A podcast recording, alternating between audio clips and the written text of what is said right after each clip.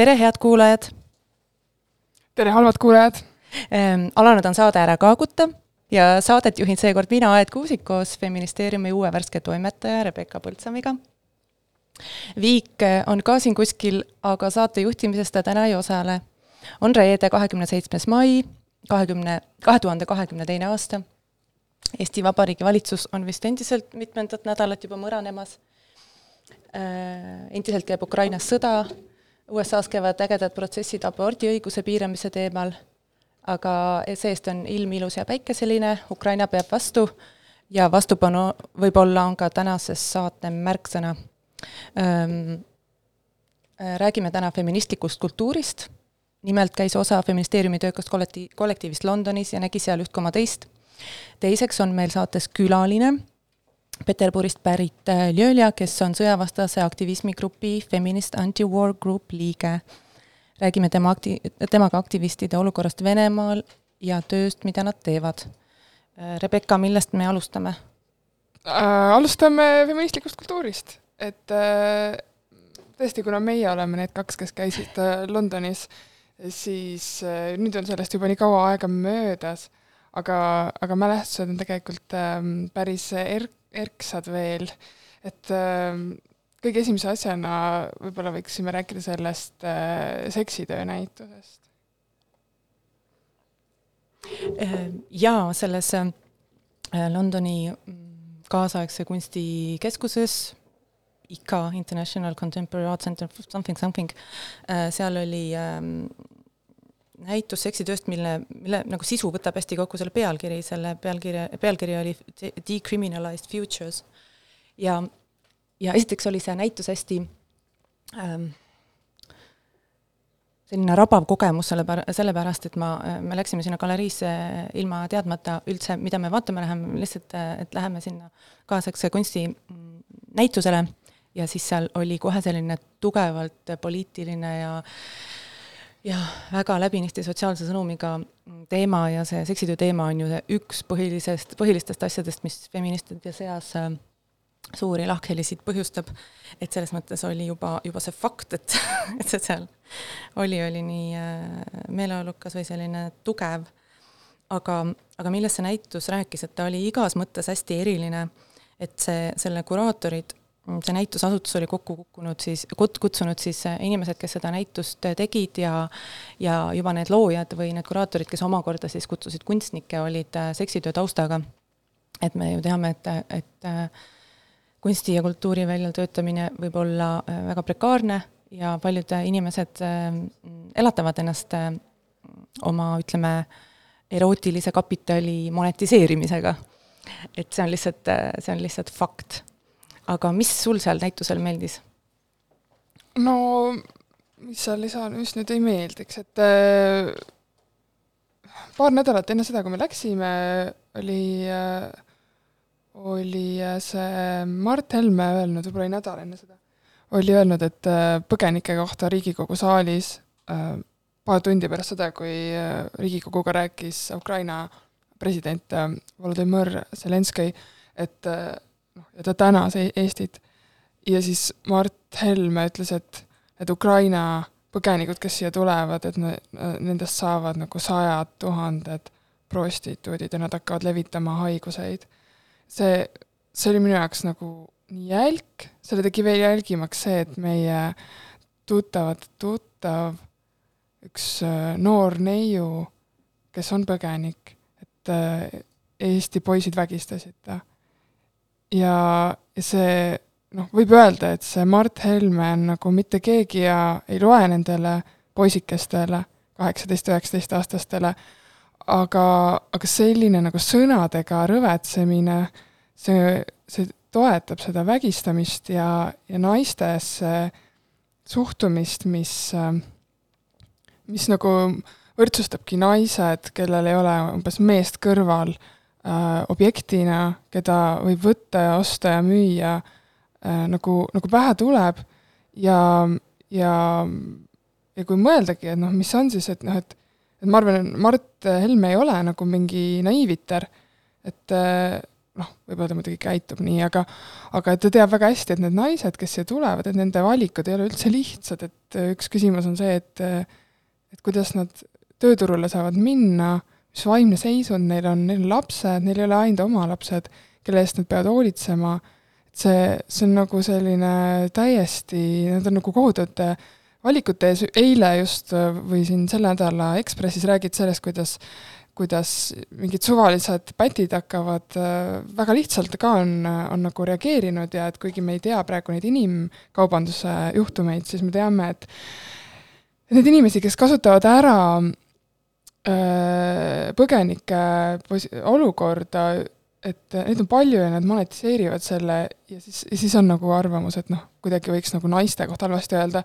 ja siis see näitus, see Decriminalize Futures, noh, see tegeles nagu nii suurte teemadega, et see tegeleski migratsiooniga, naiste õigustega, naiste kehalise autonoomia õigusega, kvääriõiguste ja transsooliste naiste ja meeste ja mittepinaarsete inimeste õigustega, äh, puuetega inimeste õigustega ja, et kuidas need kõik asjad on omavahel noh, ikkagi seotud ja ja kuidas see võim ja kapitalism ja, ja ka noh, ega see probleem on selles, et ka seni kogetud sotsialismid ka ei, ei aita nagu noh, piisavalt äh, selle kõige vastu, et siis äh, mind nagu kõnetas väga nende äh, esimene avalause või, või selline väike manifest, et äh, kas tahad ise selle ette lugeda või? Äh, ma võin jah, selle ette lugeda, sest see tõesti, see näitus oli niimoodi üles ehitatud, et ähm, neil toimus, noh, koroona tõttu muidugi see lükkus jälle mitu aastat edasi, aga aga selleks, et seda näitust äh, kokku panna äh,, kutsusid nad ellu äh, sellise mitmepäevase mingi seminari, konverentsid ja siis sealt, äh, kus äh, seksitöötajad siis rääkisid enda, enda, enda tööst ja asjadest, mis neid selle juures, näiteks seadusandluse juures või üldse selle töö tegemise juures noh, kõige rohkem nagu häirib ja, ja mida saaks siis ühiskond teha, et see, et see kõik ei oleks äh, nii häiriv. ja, ja selle näituse suur osa oli siis äh, sel-, need ähm, äh, audio, audiomaterjal sellelt konverentsilt, aga ka sellised highlight'id olid välja pandud äh, tekstina äh, seintele ja see esimene äh, ja see oli selline neil oli pikem manifest ka, aga selline esimene lause oli siis abolish poverty, not prostitution, sex work is work, rights not rescue, nothing about us without us, no bad horse, just bad laws, decriminalization now uh,, someone you love is a sex worker. ehk siis ma tõlgin kiirelt ära ka selle uh,, ehk siis, et um, uh, lõpetage vaesus, mitte prostitsioon, prostitutsioon, seksitöö on töö, õigusi, mitte päästmist, mitte midagi meist ilma meieta, pole halbu hoori, on halvad seadused, dekriminaliseerimine kohe ja keegi, keda sa armastad, on seksitöötaja. no see näitus muidugi oli ehitatud praegu üles hästi Inglismaa keskselt, sest Inglismaal on palju suurem ja teistsugusem see äh, põgenike ja, ja dokumentideta inimeste ja ka täiesti tavaliste äh, nii-öelda karjääri äh, siis äh, liikujate voog ja, ja nad, ja Inglismaal just on olnud ka see kriminaliseerimise protsess hästi aktuaalne, et näiteks noh, see näitus oli paar aastat varem Berliinis, kus ka meie ühised sõbrad käisid ja, ja seal Schules ehk siis geimuuseumis. et, et seal ta oli noh, natuke teistsugune, aga, aga noh, ma arvan, et, et see no, näitus noh, mis seal oli natuke võib-olla imelik või, või ootamatu äh,, oli, oli võib-olla just sellise äh, igasuguse lihtsakoelisuse ja vähese hariduse puudumine, et kõik olid hästi andekad, hästi targad, väga hästi oskasid argumenteerida, noh, enamik kunstnikke, kes seal osalesid, nad ongi väga-väga kõrgelt haritud, et et see ettekujutus, et et seksitöötaja on mingi äh, mingisugune noh, selles mõttes ettekujutus ei vasta, vastab ju ajaloolisele tõelisusele, et kui me näiteks, sa tegid intervjuu siin äh, Kõlvatu Tallinna kuraatoritega, et seal on ka üks sein, kus on need äh, kahekümnendate Tallinnas töötanud äh, prostituudid, kes on siis arvele võetud prostituutidena, et see on selline anakronistlik sõna ka mingis mõttes. et, et nemad, väga paljud olid, olid maalt ja nad olid linna tulnud ja nad olid tihti kuskilt nagu vaesest piirkonnast, et noh, sel ajal tegelikult maa võis olla ka väga rikas, näiteks kui sa tulid Mulgimaalt, et noh, siis sa tõenäoliselt läksid ülikooli hoopis. Aga kui sa tulid äh, Pihkvalt, Pihkvast, siis, siis sa võisid olla nagu väga vaesest perest ja, ja see Tallinnasse sellise kõige mustema töö tegema tulemine, et see noh, oligi nagu selline valik oli inimesel lihtsalt, et ja needsamad valikud, see näitus selles mõttes rääkis hästi palju just nendest valikutest, aga ta ei rääkinud nendest sellises äh, mingis didaktilises või siis sellises haletsuslikus võtmes üldse, seal oli seda täielikult välditud. Ja ja seda, see oli just hästi noh, jah, võimestav võib-olla kogeda sellist äh, esitust, et, ähm, et oli hoidutud sellisest mustvalgest ähm, ja, ja ei mindud ka sinna noh, sel-, selles mõttes seda tõesti, seda abc-d ei õpetatud, et jah, loomulikult me oleme inimkaubanduse vastu ja jah, loomulikult ei tohi kedagi orjastada, et selliseid lauseid, seda noh, seda sinna, sinna näitusele sisenedes pidi seda võtma nagu sa pidid sellise faasi selles, selles seksitöö versus inimkaubandusdiskussioonis juba läbinud olema, et, et seda vastu võtta, aga see oli hästi tore, seal ka see esimene nurk oli, kus oli hästi palju neid äh, zineesid, mida, mida sai siis äh, lugeda ja õppida selle, jah, lugeda ja, ja siis õppida seksitöö käsitluse kohta sealt, sealt nurgast, aga mis me seal Londonis minu meelest me peaksime kuulama nüüd lugu ja siis me saame tagasi tulla, sest meil oli siin alguses mingisugune äpp.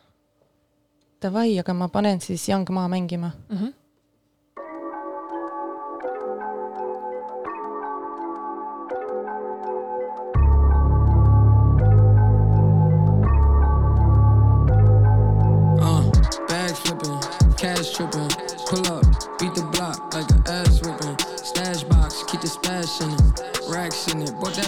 Fashion overdress just to see her ass in it.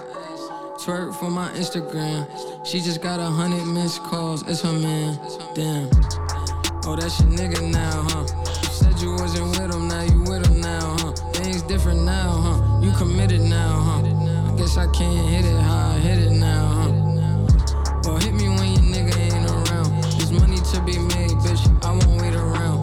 flex on her for fun, but I do not play around. S on my chest and I keep a cape around. Gang, gang with me, yeah, I keep like eight around. Even when you think they ain't around, they around. Whoa, whoa, whoa, we ain't playing fair. Oh, no, no, you don't wanna take it there. Thinking about my next move in my thinking chair. This chip is on my shoulder and it's staying there. Cause I've been through a lot of bull. And they can't stand me cause I'm misunderstood. And I need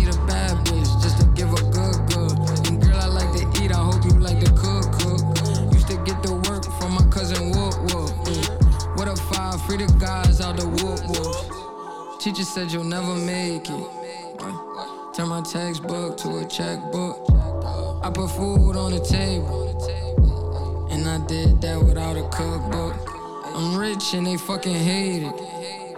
And why they looking mad, I'm just looking good. Hey, I feel like flexing. Bitches call my phone, don't feel like texting. My Louis clothes is French, that's what I'm dressed in. Dior, my cologne, she said my sin is her obsession. I became possessive soon as the money came in my possession. I'm selfish, no question. My alarm is set to every second, no resting. My haters spend a lot of time with me, I'm their best friend. I'm their best friend. Go best friend. Go best friend. Go best friend. Go best friend. Go best friend. Teacher said you'll never make it.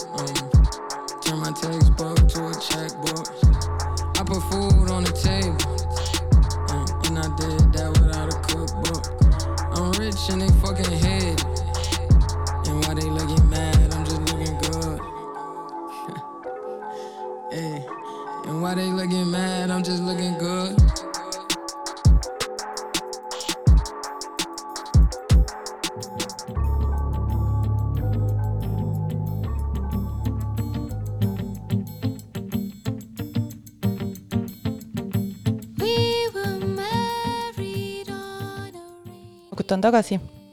räägime veel feministlikust kultuurist Londonis mm,. jaa, räägime jaa. ühesõnaga, nüüd mängis Young Ma Pity Wap ja noh, praegu on veel mai, aga kohe hakkab juuni ja juuni on rahvusvaheline Pride'i kuu. kahekümne seitsmes juuni on siis kõige pidulikum päev aga ehk kuu aja pärast, kus, sest siis kuuekümne üheksandal aastal oli äh, New Yorgi Stonewall Inni äh, selline demonstratsioon, protsessioon äh,, royal, mis siis oli siis äh, vastupanuks sellele mässule, kui äh, kogu baar, baar ja kväärid äh, geid, lesbid, trans, transid äh, hakkasid politseile vastu. Äh, et, äh, et see küll ei ole kõige esimene selline äh, politseile vastuhakk ja selle tähistamine, et enne seda oli ka San Franciscos ja kindlasti on neid olnud tegelikult ajaloos veel, me lihtsalt ei ole kõiki neid ära õppinud, aga, aga sellest on alguse saanud see Pride'i demo, Pride'i marsside traditsioon. jah, neid tegelikult, neid vastuhakke toimus ju hästi pikalt ja, ja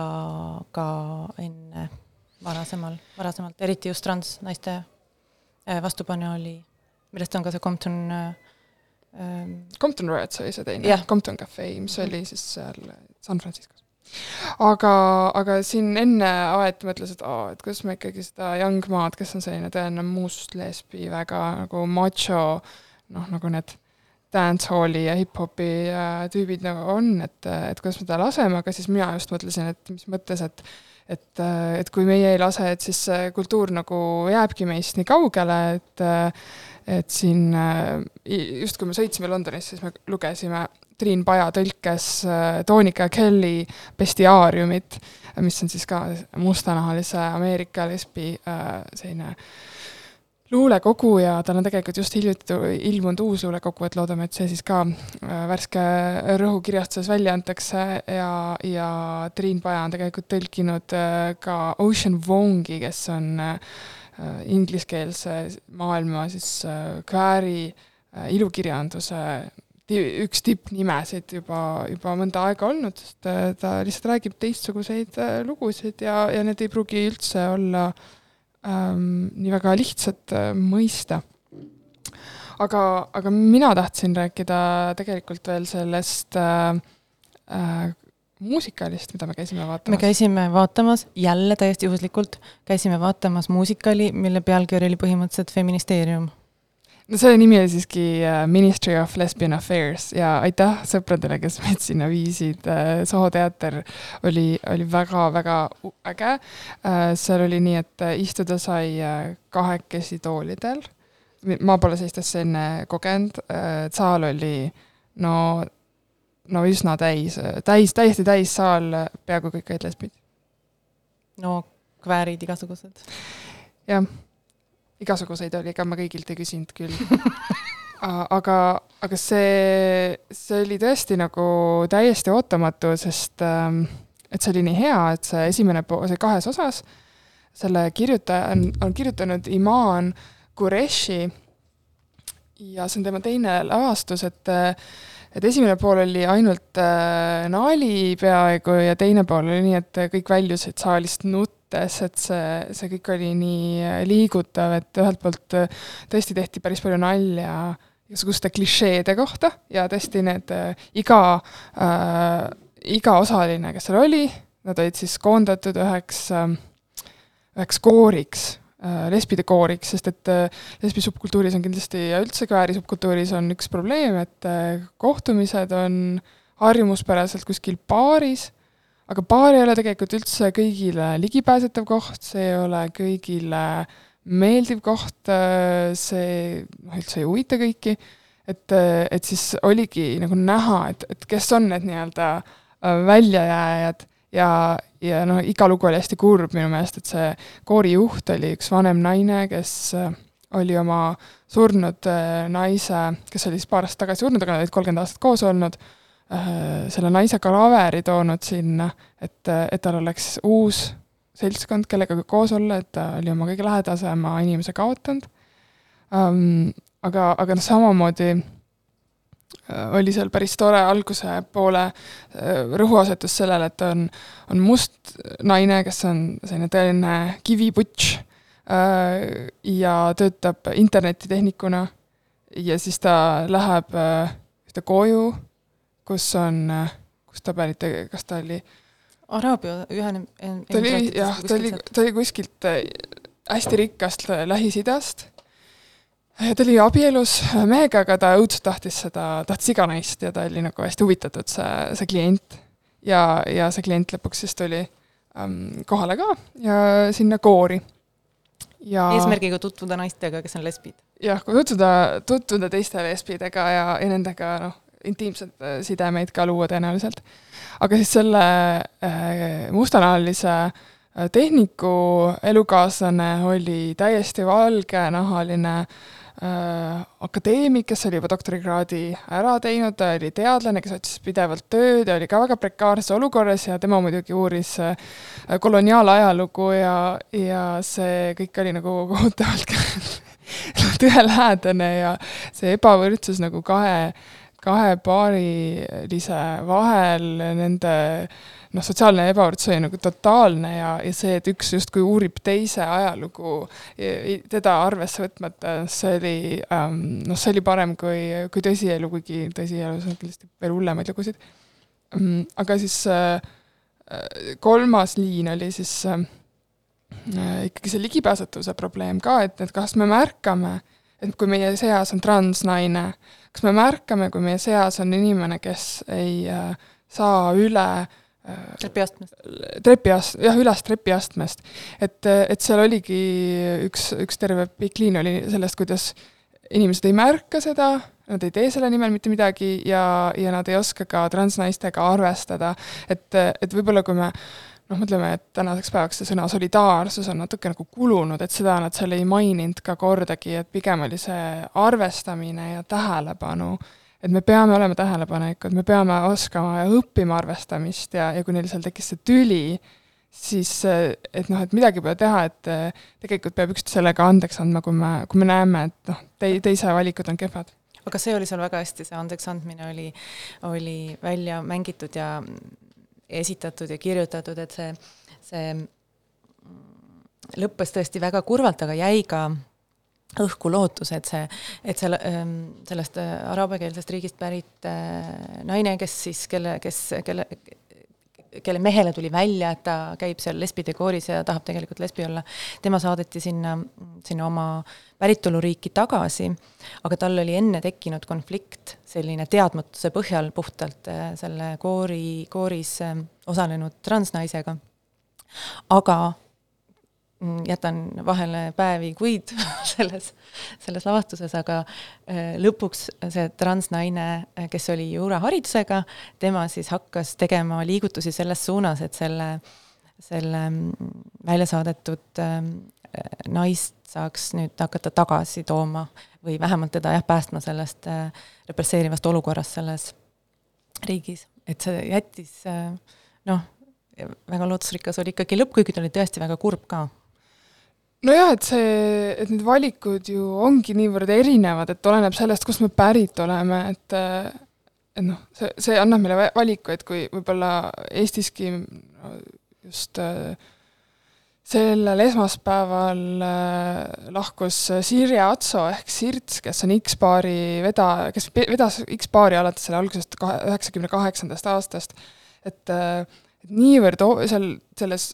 etenduses toodi ka välja, kui oluline on see oma ruum, et, et vahel me unustame ära, et aa, et igal pool on nii turvaline, aga siis, kui viis naist, kes, kellest võib-olla kolm on omavahel äh, paaris äh, või noh, neli siis tõenäoliselt on, kui on paaris, et äh, et kui nad on mingis noh, tundmatus ruumis, siis noh, see võib olla ebaturvaline, et võib tulla keegi ja lihtsalt rünnata ja midagi ei pruugi juhtuda, aga midagi ka võib juhtuda et, et noh, kui me mõtleme näiteks sel nädalal ka oli väga hea lugu Eesti Ekspressis, mille oli teinud Grete Lehepuu äh, Juri Jurskiga, kes on siin saates käinud ja, ja Erika Tšerkašin, Tšerkešiniga, et ähm, et nad, nende no siis kolleegid rääkisid ka seda, et, et noh, või tähendab, nemad rääkisid seda, kuidas nagu Kagu-Aasias näiteks on, on inimestel nagu hoopis teistsugused valikud kui, kui võib-olla Eesti inimestel, et et võib-olla see mm, LGBT identiteedi äh, poliitika, et äh, kõik erinevad, kõik võrdsed, et see on see ka väga lootusrikas. et me tegelikult noh, ei, ei ole igapäevases elus oma valikutes päris võrdsed. jah, sugugi mitte. aga me peaksime nüüd mängima järgmist lugu, palun tutvusta sina seda no,. Enne... ja siis selle, pärast seda üritame helistada. Jaa, enne kui meil tuleb saatekülaline äh,, laseme äh, ansambel Kasemahlakese äh, viimaselt plaadilt Andreas Kalkuni, Andreas Kalkuni lauldud Õrn kooskõla, et see on cover, arvake siis ära, mille cover see on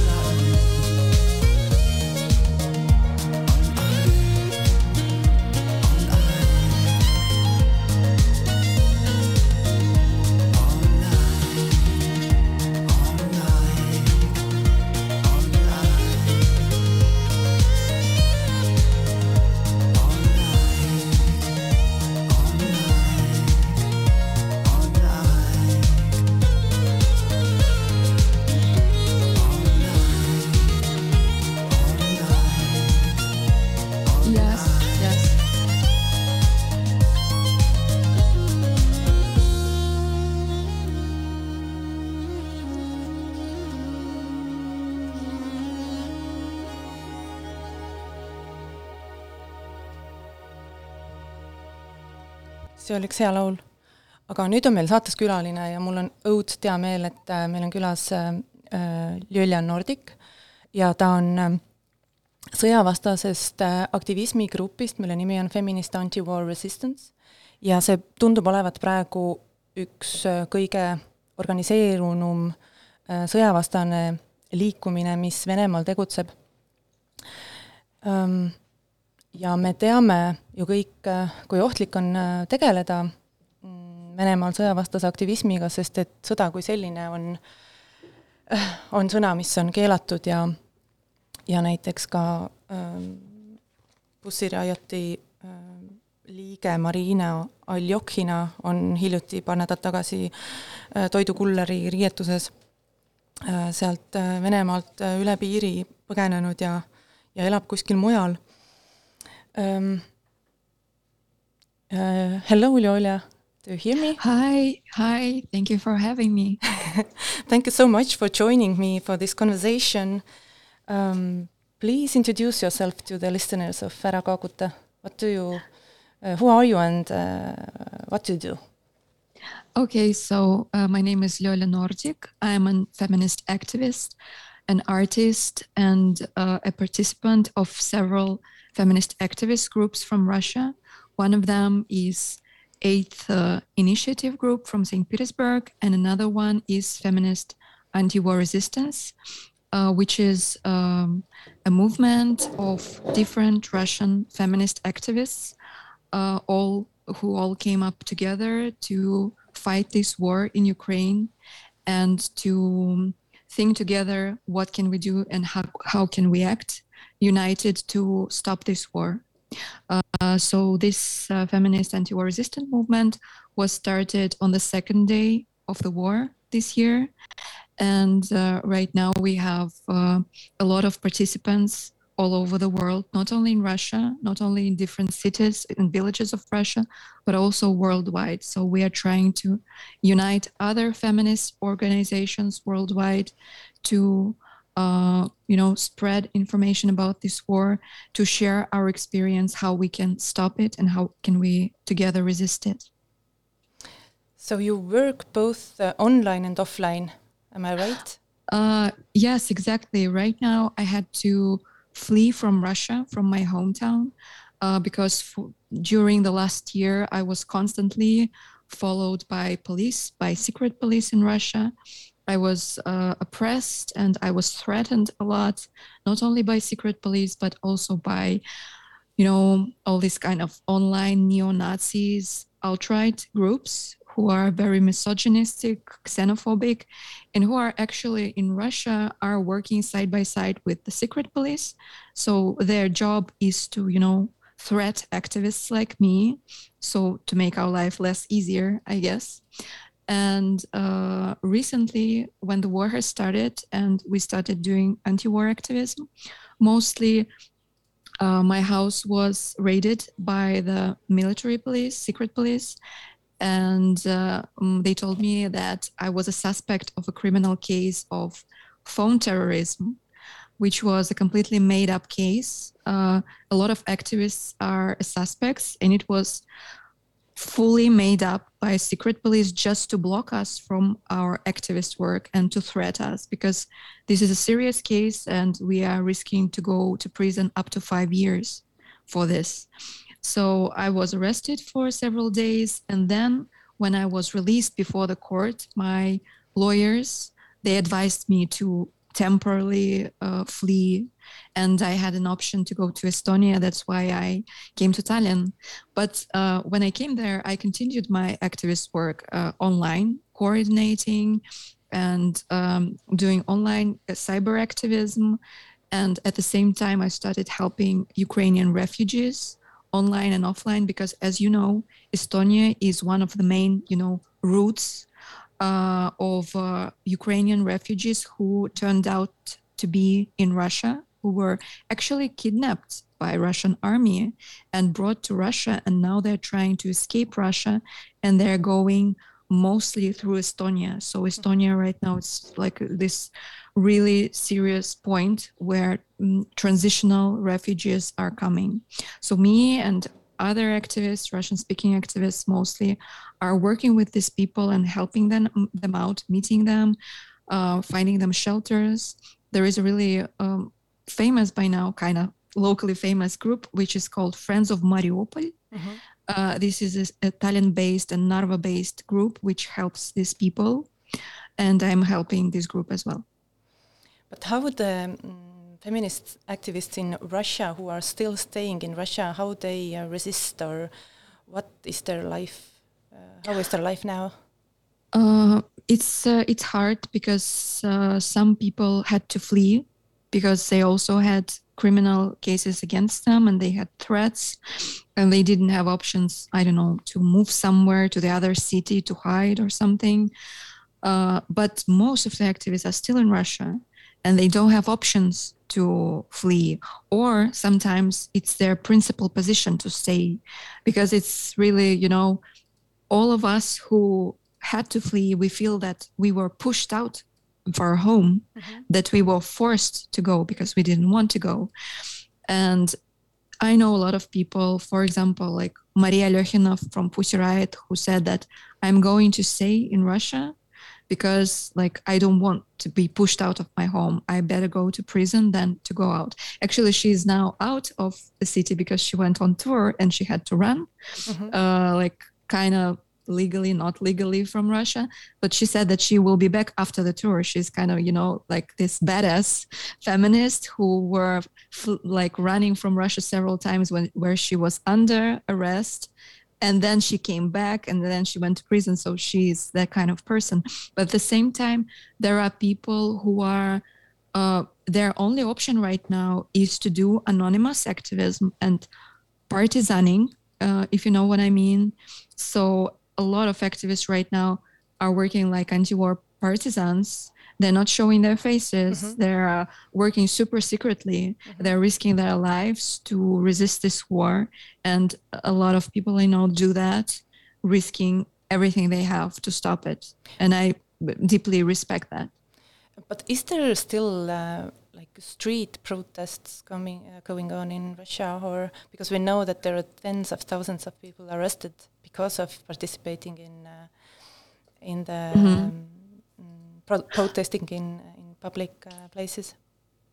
Uh, yes, sure. Uh, for the first two weeks of the war, we had protests all over the country every day, like every night. People were going out of the streets, and right after the, like these two weeks, we had these numbers of fifteen thousand people who got arrested, and of course, this was uh, repressing to people, and people got scared and you know you're getting arrested once then you're getting arrested twice the third time is already a criminal case against you so you have a really big chance to go to jail so it was less and less people who actually went out so now it's mostly you know single pickets mm-hmm. single person mm-hmm. protests mm-hmm. here and there and um, but it's important for me to you know to say that uh, we all understand that these street protests are not working anymore in mm-hmm. Russia. Mm-hmm. They are uh, more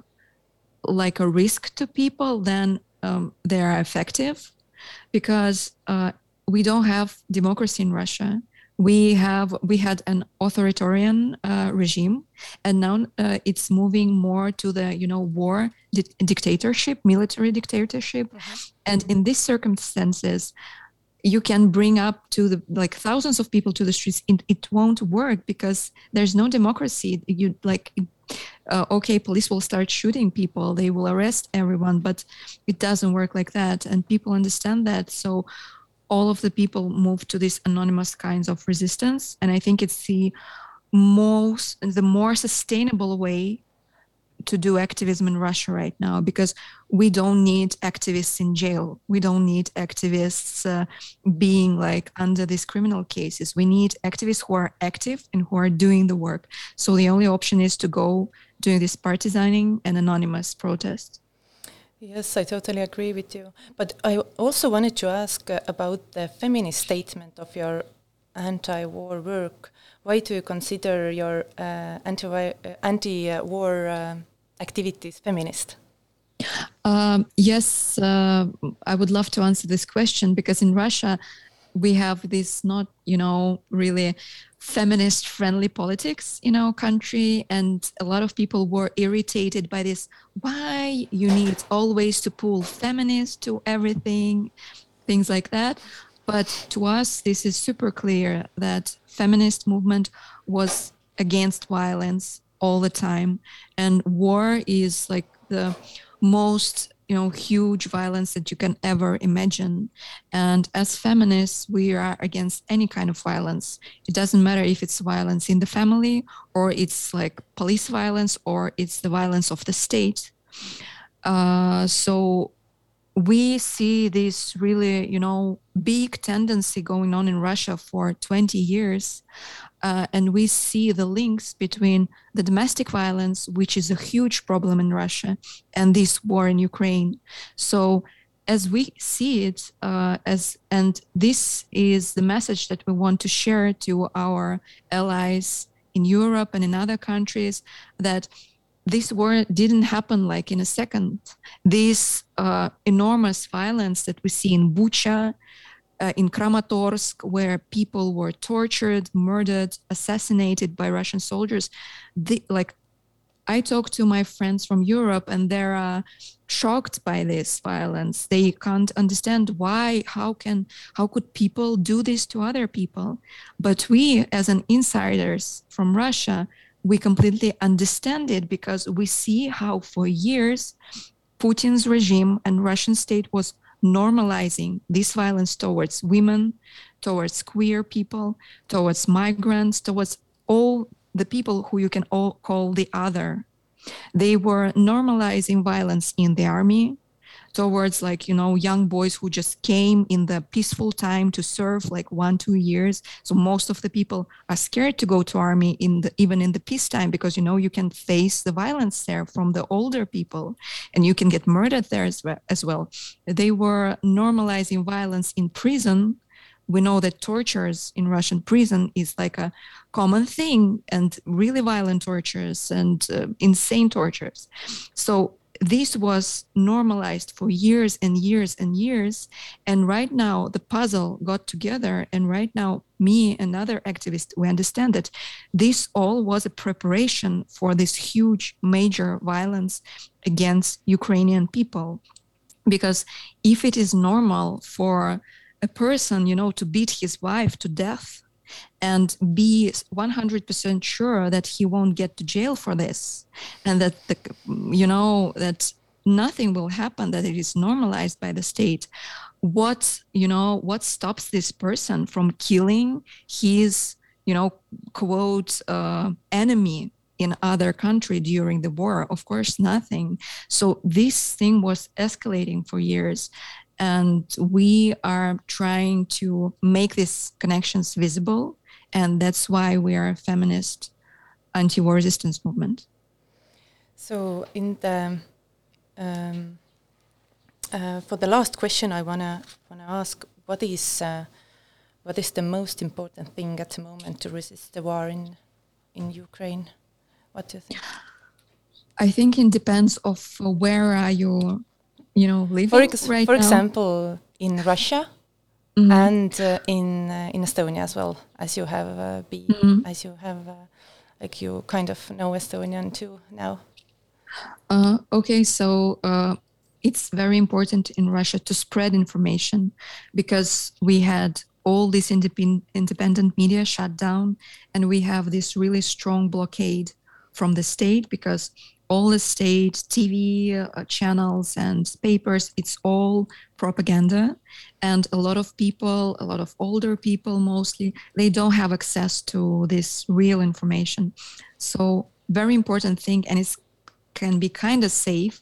Of course, nothing is safe in Russia right now, but still spreading information about like among your relatives, among your family, among, uh, among your coworkers about the war, about what's really happening, about these war crimes, it's really important. And at the same time, it's really important to help all these thousands and thousands of Ukrainians who were kidnapped and who are now in Russia. They are in different regions. They don't know what to do. They're super scared. They're shocked, and they need Russian people to help them out, to help them leave Russia, to help them escape to Estonia, to Lithuania, to go back to Ukraine, maybe through Europe, because it's important that a lot of people they want to go back to Ukraine, to their relatives, to the western side where it's where it's not mm-hmm. where it's safer. So it's really important to help these people out because the Russian state they really want them to stay because they want to use them as a tool to you know legitimize this war and to say like oh see we saved all these thousands of people from the war. We brought them from the you know this uh, hot uh, spots. So they're safe now in russia and we give them the them passports blah blah blah. So they want to use them like that. And we need russian people to help them out. And at the same time we need europeans of course, to push this um, fossil fuels embargo. Because right now we don't have any news about that, any good news. Europe still buys gas, oil, and coal from Russia, and Putin doesn't care about other sanctions. He has billions of euros in his pocket to do this war, and he won't stop. There's no chance that he will stop this war while he keeps uh, getting this money from Europe. So I think all the citizens of European Union, of Estonia, Lithuania, they need to push their governments to speak up about this, to stop buying these fossil fuels, because this will never end. This money, they, you know, it's like a it's enormous amount of money. It's you know it, they should be embarrassed how much money they give to Putin right now in his own hands. So I think we need to push this because they keep politicians they keep talking about this, but the result is zero still nothing has stopped. Still, these billions are floating. So I think we all need to unite in Europe and to push this really hard. Yes, and this uh, intersects very well with the um, green ambition of uh, having the green turn in uh, uh Europe as well to to um, yes to re reduce the amount of uh, um, using the fossil fossil fuels after all. Um, so you you you choose the song uh, as well. To introduce it? Uh, yes, uh, um, I decided to use this opportunity to share the song of a feminist punk band called Lona. These are my friends, and I think I love every feminist punk group from Russia because there was a really big wave of them during the last four years and Lona, they are super great. And uh, I listen to this song all the time because I miss my friends who are in Russia, uh, also the participants of this band. And the name of the song is Padrushki, which is girlfriends. And it's about how women hype each other up and support each other in a difficult circumstances and how they're brave and how we can get together through the most difficult situations in life because we have this feminist community, we have our girlfriends all around. Thank you so much, Lola. Let's play the song.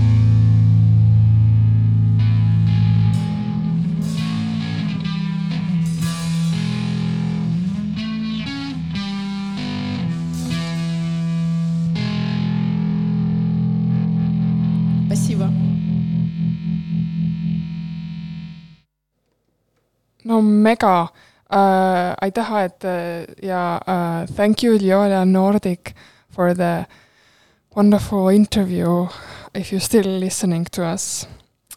et uh, see on ju nagu üliinspireeriv, kui, milline, milline kogemus ja milline jõud on, on nendel anti-war resistance feministidel ja vot kui hästi ta oskas nagu seletada seda kõike, et äh, et väga raske on nagu midagi äh, pärast seda öeldagi, mis sa, kas sa ise mõtled midagi, et oleks võinud veel küsida või, või, või mi-, mis mõttega sa siit äh, eetrist täna lähed, Aet ähm,? täiesti õige, ma olen äh, Leoliaga koht-, kohtunud ka, et see ma olin rabatud pärast seda, kui ma temaga kohtusin.